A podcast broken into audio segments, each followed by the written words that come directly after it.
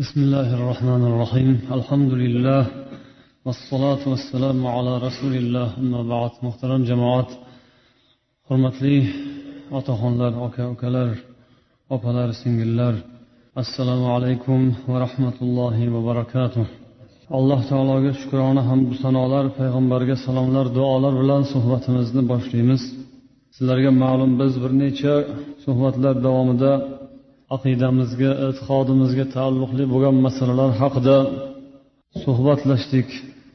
Siz bilan bizni iymonimiz e'tiqodimizni mustahkam bo'lsin uchun oldindan rasululloh sollallohu alayhi vasallam bizga bergan xabarlari va alloh taolo qur'oni karimda bergan ma'lumotlarini biz va qadri toqat vaqti vaqti bilan o'rganib chuqurroq egallab boraveramiz.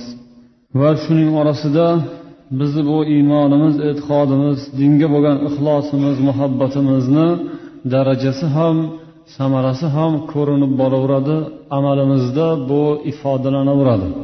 Bugungi mavzumiz suhbatimizning bugungi mavzusi siz bilan bizning e'tiqodimizni iymonimizning darajasini ifodalaydigan holatlarimizdan biri oilaviy masalalarga yana qaytmoqchimiz. Sababki siz bilan bizda ichimizda yaxshi odamlar ham ko'p iymoni zaif dini sus odamlar ham bor. Ular ham bular ham musulmonlik nomi bilan yashaydilar. Imkonimiz yetganicha kuchimiz yetganicha xato kamchiliklarimizni tuzatib boraveramiz. Aqida e'tiqod masalalarini tilga olishimizning sababi e'tiqodi aqidasi yaxshi mukammal bo'lmagan odamlarga yordam bo'lsin o'zimizga ham foyda bo'lsin yordam bo'lsin deb. Va faqat shu bilan cheklanib qolmaymizki e'tiqodi yaxshi lokin qanday hayot kechirish kerak? Hayotdagi ba'zi bir masalalarda qanday yo'l tutish kerak? Unga ham o'ziga yarasha vaqtida javobini berib borish kerak. Mana bu hayotimizni qonun qoidalari tartibu intizomlarga taalluqli bo'lgan oilaviy masalalarga taalluqli bo'lgan ijtimoiy masalalarga taalluqli bo'lgan jihatlarini ham yonma yon barobar tarzda tushunib o'rganib ketishimiz kerak bo'lgan vaqt. Hozir bizning davrimiz faqat makkiy davr. Deb ba'zi bir ibodatlarni inkor etmoqchi bo'ladigan fikrlarni ham eshitib qolamiz. U mahalda namozu ro'zayu zakotlar hajlarni inkor etib yuborishga jumalarni inkor etib yuborishga to'g'ri keladi. Undoq emas hammasidan kerakli saboqni olamiz. Makki davridan ham madina bosqichidan ham qaysinga bir hozir ko'proq muhtoj bo'lib turgan bo'lsak o'shani olaveramiz. Makkiy davrdamiz deb jumani tark etolmaymiz. Boshqa ibodatlardan voz kecholmaymiz. Shu jumladan oilaviy masalalarni ham o'z holiga o'lda jo'lda tashlab qo'yolmaymiz axir. Hammasi farz hozir. U makkada yashab turganlarida sahobalarga hali hamma narsa farz emasdi. Nima farz bo'lsa qaysi oyat nozil bo'lgan bo'lsa darhol shunga amal qilib ketaverar edilar madinaga ko'chib borilgandan keyin ham oyatlar nozil bo'lib bo'lib islom mukammallashdi. Payg'ambarimiz sollallohu alayhi vasallamni mana faraz qilinglar hayotlarini oxirrog'ida musulmon bo'lganlarga nima deb tavsiya qilindi? San oldin makkiy bosqichni boshingdan kechirish kerak. Hozir biz endi madaniy bosqichga o'tganmiz. Biz hozir madinaga kelganimizga ancha bo'lib qolgan ko'p narsani tushunib qolganmiz. San biz qilayotgan ibodatlarni ishlarimizni qilishingdan oldin san bir o'n uch yil bosqichdan o'tishing kerak degan so'zni axir aytilmagan. O'sha qaysi zamonda yashagan bo'lsa inson o'sha zamondagi bo'ladigan ta'limot yo'l yo'riqlarni qabul qilavergan. Ham makka davrida yashagan bo'lsa hali unga juma farz emas edi. Ro'za farz emas edi. Ba'zi ibodatlar hali farz emas edi. Shuning uchun u aytilmadi. Aytilganini esa bajarishaverdi madinaga ko'chganlaridan keyin rasulullohning umrlari oxiriga yetgan vaqtida hamma narsa farz bo'lib bo'luvdi. Endi uni ajratib u yoq bu yoqqa ajratish o'rtasini bo'lish bu hozir bo'ladi bu bo'lmaydi qilinmadi. Balkim imkoniyati bor odam sharoitiga qarab turib u narsaga harakat qilib o'sha olloh buyurgan ibodatni bajarishga kirishgan. Buni man nima uchun aytyapman? Ba'zi bir gaplarni eshitib qolamiz. Ayollarni hijob masalasi ro'mol masalasi bu hozirgi kundagi kerakli masala emas. Buni tashlash kerak bunga targ'ib qilmaslik kerak. Ayollar yursa yuraversin hali vaqti soati keladi. O'shanda o'zidan o'zi hammasi hijob o'raydigan bo'ladi. Deydigan davolarni eshitib qolamiz. Bunga nima asosimiz bor? Yoki jumaga bormasa ham bo'laveradi hozir deydigan gaplarni hozir eshitib qolamiz. Bunga nima asosimiz bor? Ha hali o'sha hijob haqidagi oyat juma haqidagi oyat boshqa farzlarni buyuradigan oyatlar nozil bo'lmagan davrda yashayotgan bo'lsak boshqa gap edi. Hammasi oldimizda turibdiyu qanday inkor etamiz? Qanday qilib bundan bosh tortamiz? Bu farzku hijob ayollarning hijobi. Alloh qur'oni karimda ahzob surasida nur surasida farz qilganku buni biz qanday inkor eta olamiz shuning uchun biz ham e'tiqod masalasini o'rganish bilan bir qatorda qo'ldan kelgancha amalga oshirib boraveramiz qo'limizdan kelganini qilib boraveramiz. Bugungi mavzu shu oilaviy masala xususida bo'ladigan bo'lib qoldi. Avvalambor shu ayollarning qadr qimmatlari haqida yana bir ikki og'iz aytishimizga to'g'ri keladi. Ayollar qadim qadim zamondan boshlab eng ko'p ozor chekadigan ko'p qiynaladigan ko'p tuzoqqa ilinadigan dushmanlarning zarbasiga nisbatan boshqalarga nisbatan ko'proq uchraydigan ko'proq zarar ko'radigan toifa ayollar toifasi chunki bularni olloh jismonan zaif qilib yaratganligi o'zi ma'lum shuning uchun ham doim erkaklarning himoyasiga olloh topshirgan ayollarni. Lokin hamma vaqt ham erkaklar nomiga yarasha erkak bo'lavermagan mard bo'lavermagan ko'p vaqtlarda shu erkaklar ayollarni xorlashgan. Musulmonligimiz dinimiz islom ayolni insonlik huquqini berdi. Inson deb uni tanitdi chunki islomdan oldin ayolni inson deb ham atashmagan bu bir jonli hayvon erkak uchun yaralgan bir hayvon deb aytishgan bir paytlar. Islom bu narsalarni hammasini rad etib botil etib ayolni darajasini haqiqiy alloh taolo huzuridagi darajasini musulmonlarga iymonli kishilarga tushuntirdi o'rgatdi va farz qildi. Ayol bu ona ayol bu qiz ayol bu umr yo'ldoshi yoki oddiy bir inson jamiyatning bir a'zosi sifatida qanday huquqlarga ega ekanligini dinimiz juda yaxshi tushuntirgan. Ba'zilarini eshitgansizlar. Shundoq bo'lsa ham qisqa qisqa qilib biz yana eslab o'tishimiz kerak. Ayol bu bizga ona. Hammamiz ayol zotidan dunyoga kelganmiz. Hammamizni ona tuqqan onalarni haqqi huquqlari otalarnikidan ham ulug'roq ekanini rasululloh uch marta qaytarib onangga yaxshilik qil deb qaytarib to'rtinchisida otani zikr etilgani bilasizlar isro surasining yigirma uchinchi oyatida auzu billahi minash shaytonir rojim وقضى ربك ألا تعبدوا إلا إياه وبالوالدين إحسانا dedi robbingiz ollohdan boshqaga sig'inmaslikka hukm qildi Shuni farz qildi va ota onaga yaxshilik qilishni farz qildi. Bu yerda ollohning huquqi bilan ota onaning huquqi yonma yon zikr qilindi. Oldin ollohning huquqi undan keyin esa ota onaning huquqi kelyapti. Demak insonning zimmasidagi eng buyuk haq huquq vojibot vazifa allohning haqqi. Uni bajarish kerak. Undan keyinoq darhol ota onaniki kelyapti. Demak allohdan keyin hurmati ehtiromi vojib bo'lgan farz bo'lgan zot ota ona payg'ambarimiz sollallohu alayhi vasallam bu borada yaxshigina nasihatlarini yetarli darajada aytganlar. Payg'ambar alayhissalom huzurlariga bir sahobiy kelib yo rasululloh men jihod qilishni xohlayman lokin ota onam ruxsat bermayotibdilar men sizni huzuringizga kelaverdim. Ota onamni yig'lab qolsalari ham tashlab keldim dedi. Payg'ambar alayhissalotu vassalom aytdilarki san bor ota onangni huzuriga qaytgin ularni qanday yig'latgan bo'lsang o'shanday kuldirgin endi dedilar. Bu hadisni abu dovud rivoyat qildilar.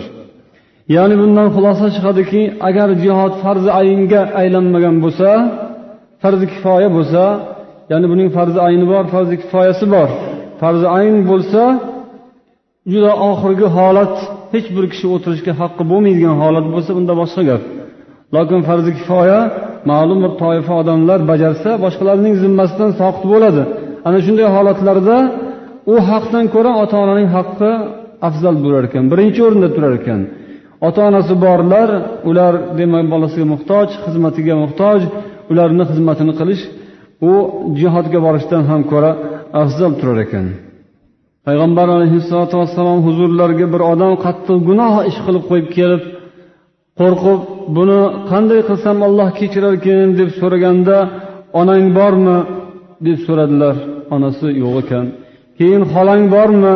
deb so'radilar. Ha deganda borib xolangni bir ko'nglini olib duosini olgin xolangni rozi qilgin dedilar. Demak birinchi galda ona demak onaning duosi onalarni bolasiga bo'lgan mehribonligi duosi sharofati bilan ularning gunohi bolalarning gunohi kechirilib turar ekan. Onani haqqining ulug'ligidan xolani ham shuni keyiniga qatoriga qo'shildiki ammang bormi demadilar. Chunki amma bu otasini singlisi bo'ladi. Xola esa kimni singlisi bo'ladi? Onasining singlisi yoki opasi bo'ladi. Demak ammaning haqida yana xolaning haqqi ham ulug' tutilyatibdiki onaga yaqin bo'lgani uchun. Onasini singlisi yoki opasi bo'lgani uchun ham xolang bormi deb so'radilar xolani hurmatini demak onani hurmatini yonida qo'ydilar. Bundan yana onalarni farzandlar ustidagi haqqilarini ulug' ekanligini anglaymiz. Shuning uchun ayniqsa namozxon bo'lgan yigit qizlar o'g'illar farzandlar shogirdlar talabalar sizlar ota onani haqqini boshqalarga qaraganda ko'proq bilishinglar kerak. Dinsiz tarbiyani olganlar iymonsiz e'tiqodsizlar qo'lida tarbiya ko'rganlar ular boshqa odamlar sizlar boshqa odamlar sizlar iymon e'tiqodli kishilar bo'lsanglar agar ota onalaringizni haqqini ko'proq qadrlashlaringiz kerak bo'ladi. Va sizlar shu jihatdan o'zinglarga hech bir gard yuqtirmaslikka harakat qilinglar.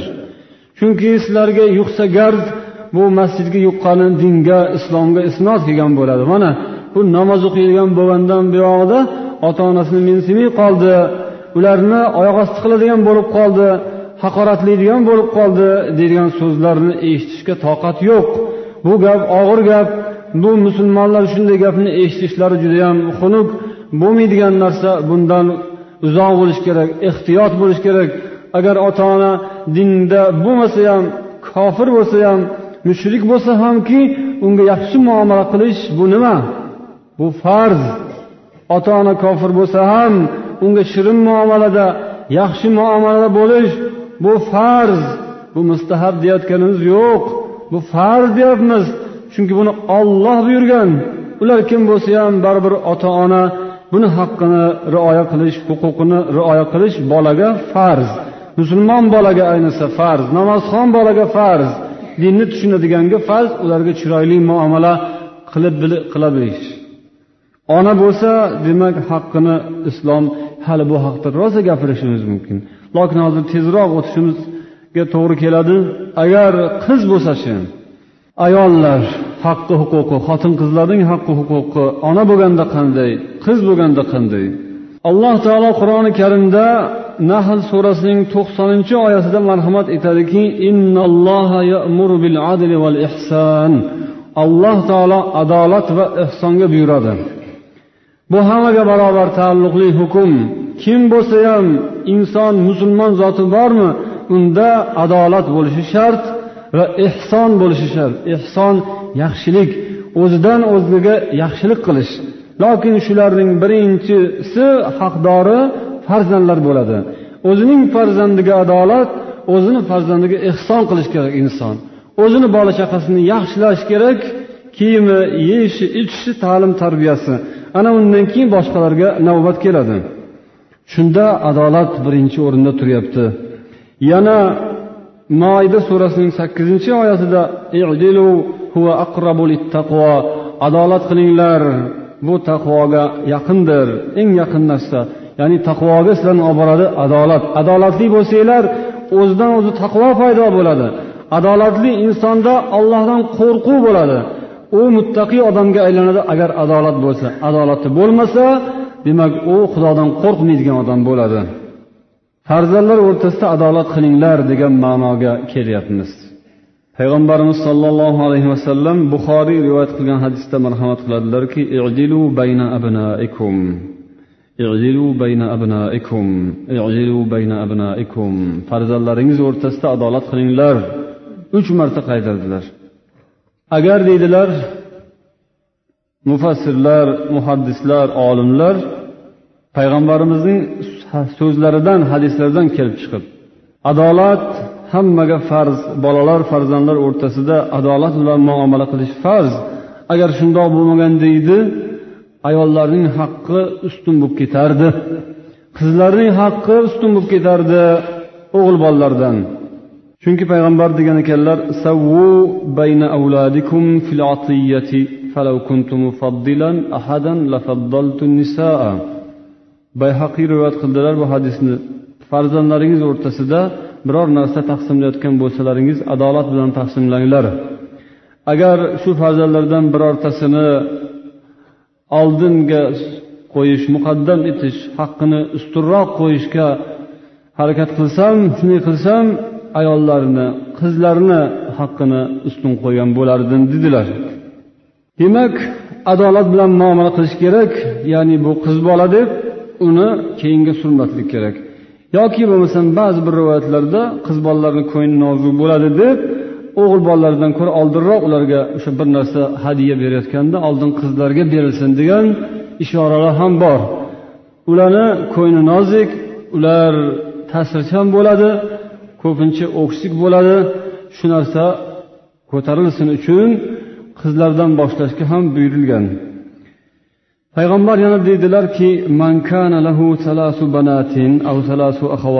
kimniki uchta qiz bo'lsa yoki uchta singlisi bo'lsa yoki ikkita qiz bo'lsa ikkita singlisi bo'lsa hamki shuni yaxshi muomala qilib shunga chiroyli munosabatda bo'lib ular uchun sabr ularni tarbiyasini yaxshilasa va ular uchun sabr qilsa.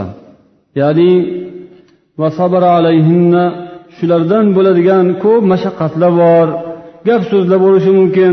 Uni ta'lim tarbiyasida u bilan bo'ladigan murosai madorada u bu o'zicha bo'lavermaydi bu ishlarda ancha mashaqqat bo'ladi.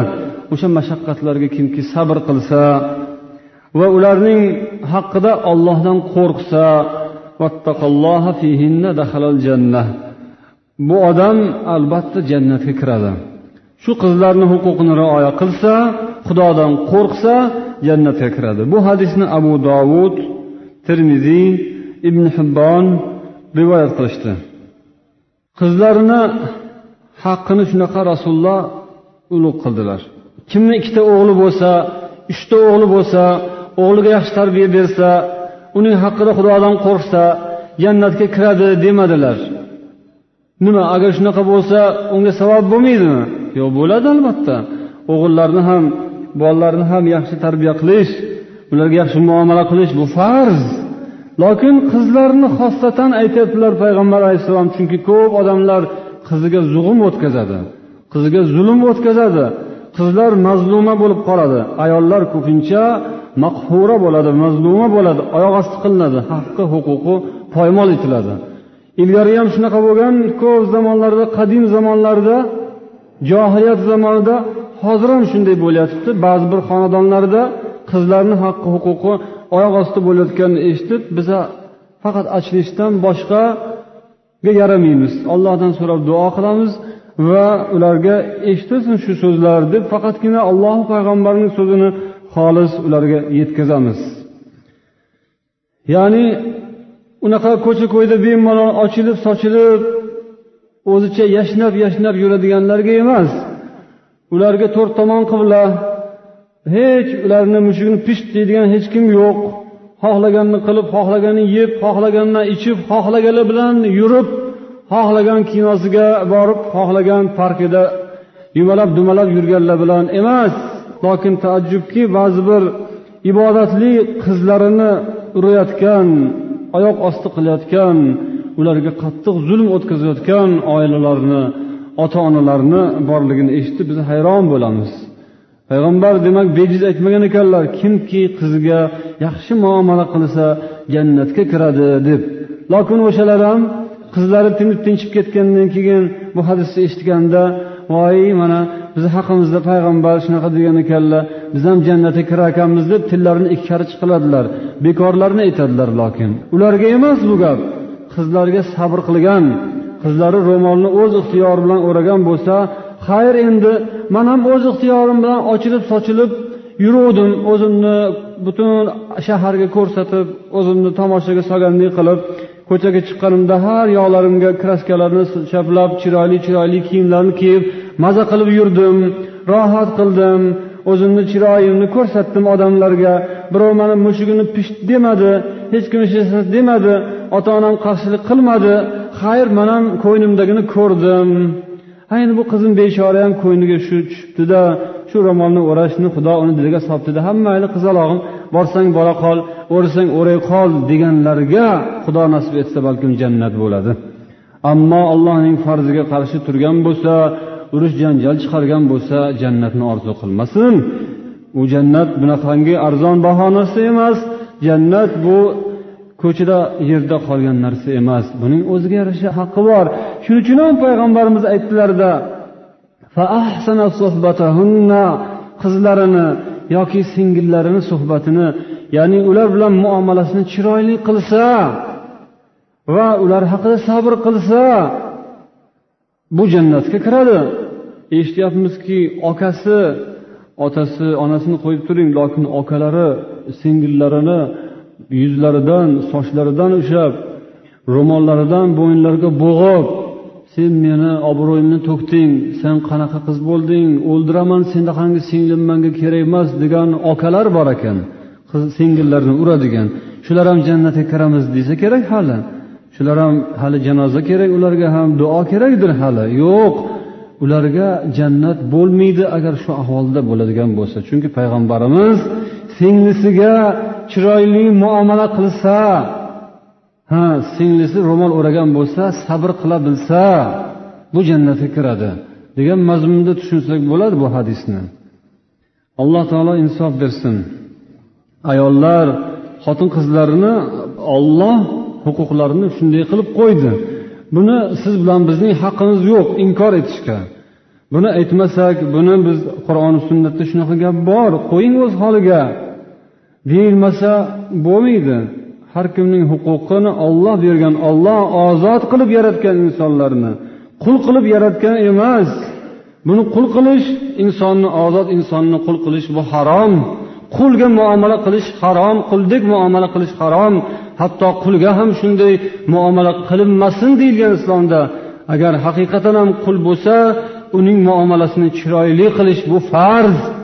ha bu ozod erkin insonga shunday xunuk muomala qilishchi bu harom bu gunoh buning oqibati do'zax jahannam bo'ladi bundan qo'rqish kerak musulmon ulamolar musulmon shoirlar ayollarni qanday ulug'laganlarini eshiting mana bu she'r bilan فلو كان النساء كمن ذكرن لفضلت النساء على الرجال وما التأنيس لاسم الشمس عيب وما التذكير فخر للهلال agar ayollar ollohu rasul ta'riflaganday sifatlarga ega bo'lsalar qur'oni sunnatda ayollarni alloh taolo ko'p o'rinlarda erkaklar bilan birga zikr qilib ularning amallarini olloh hammasini ko'rib turayotgani yozib borayotgani farishtalar oxirida ularga jannat bo'lishi aytilgan.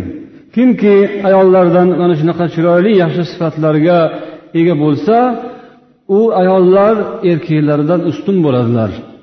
Deb bu shoir ayollar agar shunday sifatlarga ega bo'lsa demak ular erkaklardan ham muqaddam bo'lar ekan. Jannatni xohlagan eshigidan kirsin deyiladi ayollar.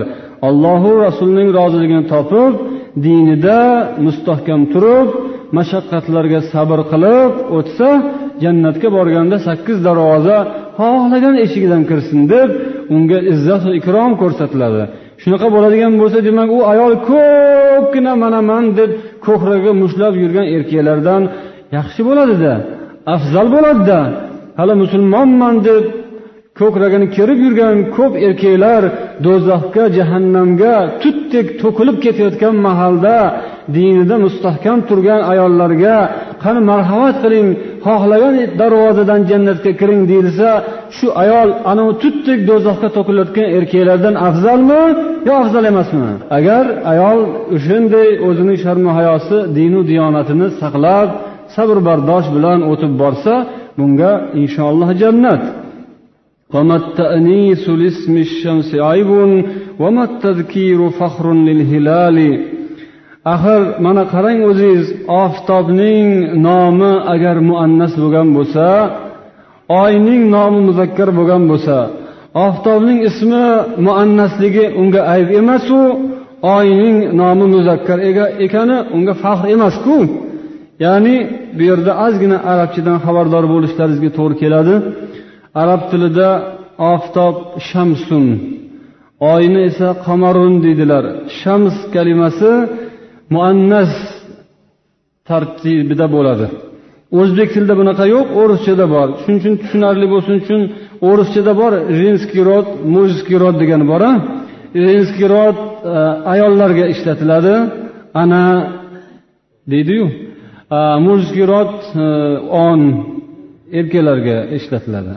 Shunaqangi taqsim arab tilida bor o'zbek tilida yo'q. Arab tilida shams bu oftob женский rod ya'ni muannas muannasdek muomala qilinadi. Qamar oy esa mужский rod bu muzakkar erkak hisobida. Aytyaptilarki ko'pincha oftobni maqtaladiyu o'zi aslida. Oftob olamni yoritadi isitadi. Oftob qancha insoniyatga xizmat qiladi. Quyosh bu ham hayot manbalaridan biri. Agar quyosh bo'lmasa hayot bo'lmaydi issiqlik bo'lmaydi ekinlar unmaydi hammasi muzlab qoladi unaqa bunaqa deb quyoshni maqtalaveradi maqtalaveradi. Yuzta gapirsangiz quyosh haqida oy haqida ham bitta ikkita gapirib qo'yishga to'g'ri keladi. Oy quyosh bo'lmasa oyning nuri yo'q. Oy nurni quyoshdan olib o'ziniki qilib keyin olamga taratadi. Aytadilar shu quyosh arab tilida muannas siyg'asida keladi. Ya'ni xotin qizlar qatorida keladi. Lokin shu muannasligi quyoshga zarar yetkazayotgani yo'q quyoshga ayb keltirayotgani yo'q. Uning fazilati uni olloh ato qilgan undagi baraka turaveradi. Ho'p xuddi shuni yonida oy muzakkar bo'lgani bilan unga bu bir faxr bo'lgani yo'q. Muzakkar bo'lishga bo'lyapti erkak bo'lishga bo'lyaptida ha nima qilyotibdi quyoshning oldida oyning xizmati har holda o'rtada taqsimoti bordek. Inson kim olloh xohlasa kimni ayol qilib yaratgan kimni erkak qilib yaratgan. Bu so'zlarimizdan erkakning darajasi ayoldan past degan ma'no kelib chiqmaydi. Buni ham esdan chiqarmaylik ayollarni ustidan erkaklarni olloh boshliq qilgan. Lokin ayollarning fazilatlari ayollarga ollohning bergan ahamiyati ularga alloh taolo ato qilgan ne'matlarni bu yerda qadrini bilish ustida ketyapti gap. Ularni qadrlash ustida ketyotibdi. Demak ayol bo'lsa ham olloh ta'riflagandek payg'ambar maqtaganday ayol bo'lsa demak u yaxshi ayol uni qadriga yetish farz bo'lgan ayol. Agar ayol oila bo'lsachi ya'ni u xotin bo'lsachi umr yo'ldoshi bo'lsachi u holda mana bu quyidagi oyatlarni keltiradilar rad surasining o'ttiz sakkizinchi oyatida alloh taolo ولقد أرسلنا رسلا من قبلك وجعلنا لهم أزواجا degan ekan sizdan oldin ham biz elchilarni yuborganmiz olamga va ularga juftlar qilib berdik ayollardan ularga juftlar umr yo'ldoshlari yaratdik ato qildik Bu yerda demak alloh taoloning ne'mati tarzida zikr qilyapti rasullik risolat payg'ambarlik bu nima? Bu ne'matmi? Ulug' ne'mat. Payg'ambarlik ulug' ne'matni alloh taolo zikr qilib shuni yonida ayollarni ham zikr qilyapti. Demak ayollar xotin qizlar alloh taolo tomonidan ato qilingan ulug' ne'mat. Payg'ambarlik bilan ayollarni alloh taolo yonma yon zikr qilayotibdi payg'ambar alayhissalom ayollarga oiladagi umr yo'ldoshlariga chiroyli muomala munosabatda bo'lishni farz qildilar. Va aytdilarki man sizlarni ichlaringizda ollohdan eng ko'proq qo'rqadigan odam man bo'laman. Va man sizlarni ichlaringizda ayollariga oilalariga eng ko'p yaxshilik qiladiganlaringiz man bo'laman. deb o'zlarini ibrat qilib ko'rsatdilar. Bunga haqqilari bor edi. Biz shu kishidan ibrat olishimiz kerak. O'zicha musulmonlikni davo qilib juda namozxon bo'lib yoki ilm o'qiyotgan talaba bo'lib juda muttaqiy bo'lib taqvodorlik ko'rsatib sunnatga amal qilyapman deb o'zini o'zi ko'rsatib yuradiganlar bor. Lokin uyga kelganda uyga kelganda ko'cha xandonu uy zindon bo'ladiganlar bor. Ko'chada boshqacha masjidda boshqacha juda ibodatli juda taqvoli juda yaxshiga o'xshaydi. Ammo oilada esa payg'ambar esdan chiqib qoladi. Oilada rasululloh sollallohu alayhi vasallam xotinlariga qizlariga bo'lgan muomalalari butunlay esdan chiqib boshqacha odam bo'lib qoladiganlar bor. Bularni biz nima deyishimiz kerak? Bularga shu nasihat kifoya qilish kerak. Payg'ambar aytyaptilar ey taqvodorlik qilayotgan ey sunnatga amal qilayotgan ey musulmonman deyotgan yoki ilm o'qiyotgan bilasanmi? Sendan ko'ra man ko'proq qo'rqaman xudodan. Sendan ko'ra mani iymonim kuchliroq. Lokin shuni bilsang yana bir narsani bilib qo'yginki sendan ko'ra men ko'proq xotinlarga yaxshilik qiladiganman. Sen bu tomonni oldingmi? Bu tomonni ham olgin. Bir necha oilalardan shunday bir shikoyatlar shunday bir mojarolarni eshitib turamizki namoz o'qiydi qilgan qilig'i boshqacha. Bu qandoq gap? Bu har xil yoshdagilarni ichida bor. Sizlar o'ylamanglar faqat yoshlarda deb. Yoshlarni ichida ham bor. O'rta yoshlilarda ham bor. Katta yoshlilarni ichida ham shunaqangi qiliqlar shunaqangi bir bemaza tentak qiliqlar uchrab turibdi. Yosh desangiz buni ha bu endi sovet maktabini ta'limini olgandek o'shalarni mevasida desangiz lokin uni ham baribir kechirib bo'lmaydi. Haddingga kirding namoz o'qiyapsanku ibodat qilyapsanku. Nega sen amal qilmaysan bir tomonlama amal qilasan oilangda? Nega amal qilmaysan dinga? Boshqalarga din o'rgatarsan hali san deymiz unga ha katta yoshli bo'lsachi? Ha endi qari quyilmagan bo'lsang shoqqacha. Yoshlari ellik uch ellik beshga kiribdi bir kishi. O'ttiz necha yoshli qizni olganlar. Olib bitta farzand ko'rgandan keyin onam unamayotibdilar onamga yoqmadi deb haligi ayolni ko'chaga haydab qo'yganlar. U ayol ikki uch martabadan yig'lab bizga nima qilsam bo'larkin? deb qo'lida bolasi bilan murojaat qiladi. U ayol man bilishimcha deydi onalari oldin manga bitta xizmatkor olib berasan keyin boshqa ishingni qilasan deb buyurgan ekanlar mana xizmatkor sifatida uyga olib kelgan ekanlar keyin bilsam. Oradan biroz vaqt o'tgandan keyin homila paydo bo'lgandan so'ng bu qurg'urni qornida bolasi bor bo'lib qolganga o'xshaydi yo'qot buni uyga xo'jayin chiqib qolar ekan yaqinda deb keyin shu bola paydo bo'lgandan keyin janjal to'polon boshlandiyu man oldin yaxshi edim keyin yomon bo'lib qoldim keyin ko'chaga mani haydashdi deydilar. U haligi ellik uch ellik besh yoshga kirgan erkak biz endi tanimaymizku kimligini. Lokin bu bitta odamning misolida ko'pchilikka ibrat bu. U aytarmishki man onamdan qo'rqaman. Man o'zim zo'rg'a o'tiribman. Man o'sha ishxonamdan pensiyaga chiqsam o'sha yerdan nari qariyalar uyiga ketmoqchiman. Man uyga qaytib kelmoqchi emasman. Ko'rdingizmi? Qandaydir ayollar bor. Biz ayollarni yaxshi ularni maqtab payg'ambar va alloh rasul maqtagandek maqtaymiz bu bor narsa shunga loyiq ayollar ham bor. Lokin mana bunaqalari ham bor. Bir ayolni huquqini ko'taramiz deb ikkinchi ayolni huquqini oyoq osti qilish mumkin emas. Uyda o'tirib olar ekanda unga u xizmatkor bo'lishi kerak ekan go'yoki qul bo'lishi kerak ekanda lekin bola tug'adigan vaqti kelganda uyga xo'jayin chiqib qoladi deb uni haydab yuborish kerak ekan. Bunga haligi o'g'illarni ham so'zi o'tmas ekan ular qo'rqishar ekan hatto o'zimiz zo'rg'a yashayapmiz ketamiz bu yerdan boshqa joyga. Hech bo'lmasa qariyalarni uyiga ketmoqchiman degan gaplar. Shu o'sha ham musulmonmi desangiz ha musulmonlikni juda qattiq davosini qiladi o'shalar ham.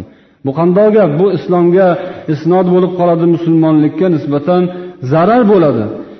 E'tiqodimiz to'g'rilanayotgan bo'lsa musulmon bo'layotgan bo'lsak amalimiz ham to'g'ri bo'lishi kerak. Mana dinni xudoga shukur asta asta o'rganayotibmiz tushunib boryapmiz amalga oshirib borish kerak.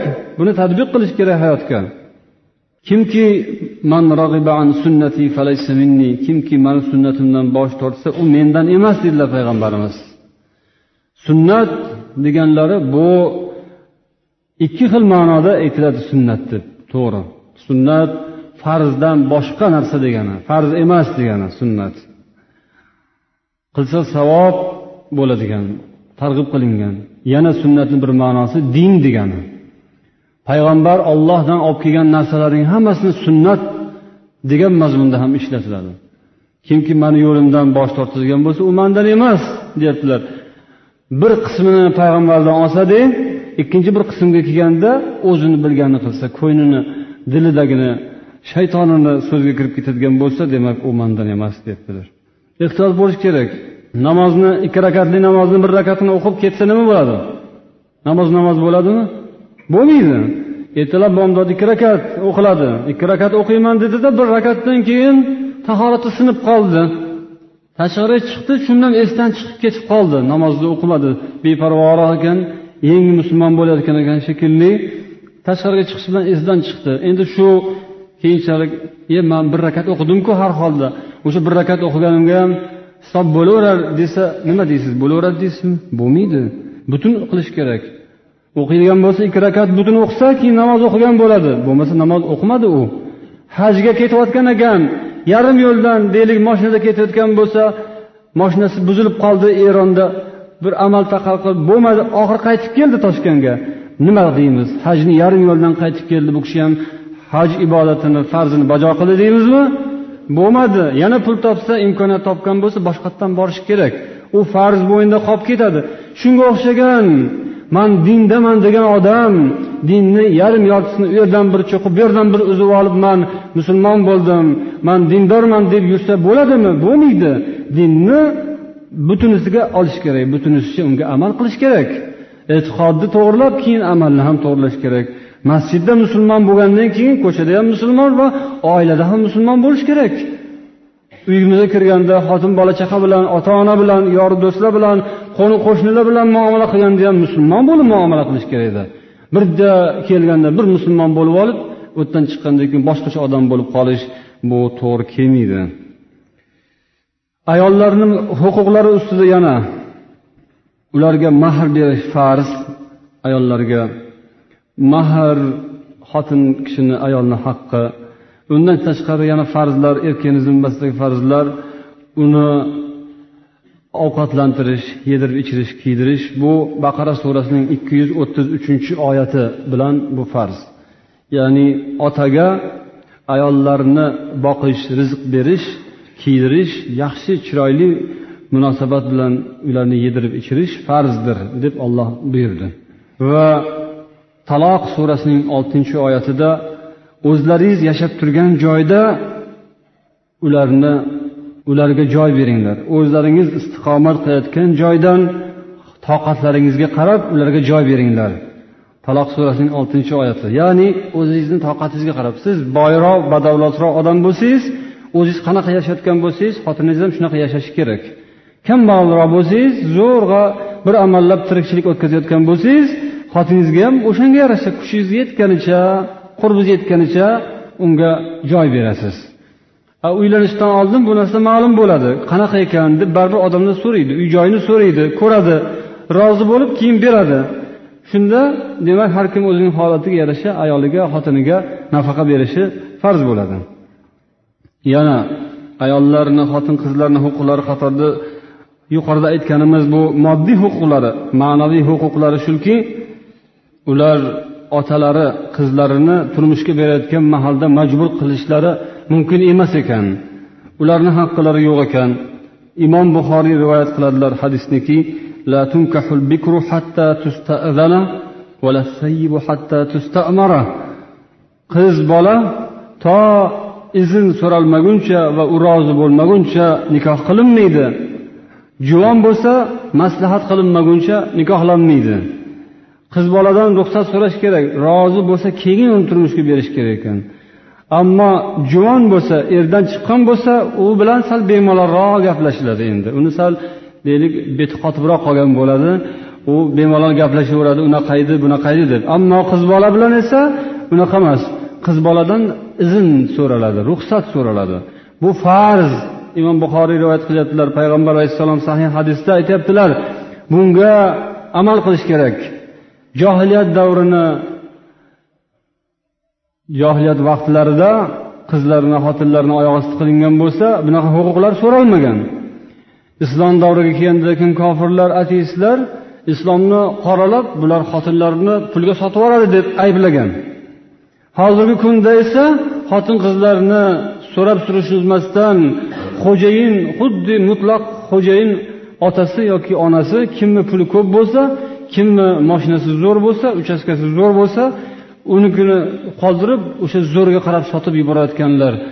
Bir paytlar islomni qoralashgan. Ha bugun bugun nima bo'layotibdi islomni yomonlab sani bir ta'ziringni bermasam otimni boshqa qo'yaman deb shu namoz o'qigani uchun ibodat qilgani uchun ba'zi bir qizlarni juda qarindoshlarni ichidan chiqib yoki ota onalarni ishlaridan chiqib qattiq zug'um o'tkazayotgan holatlarni eshitib qolamiz va biz ularga faqat bu hadisni yetkazyapmizki mana bu qoida bu qonun qiz bolalarni majburlab turmushga berilmaydi.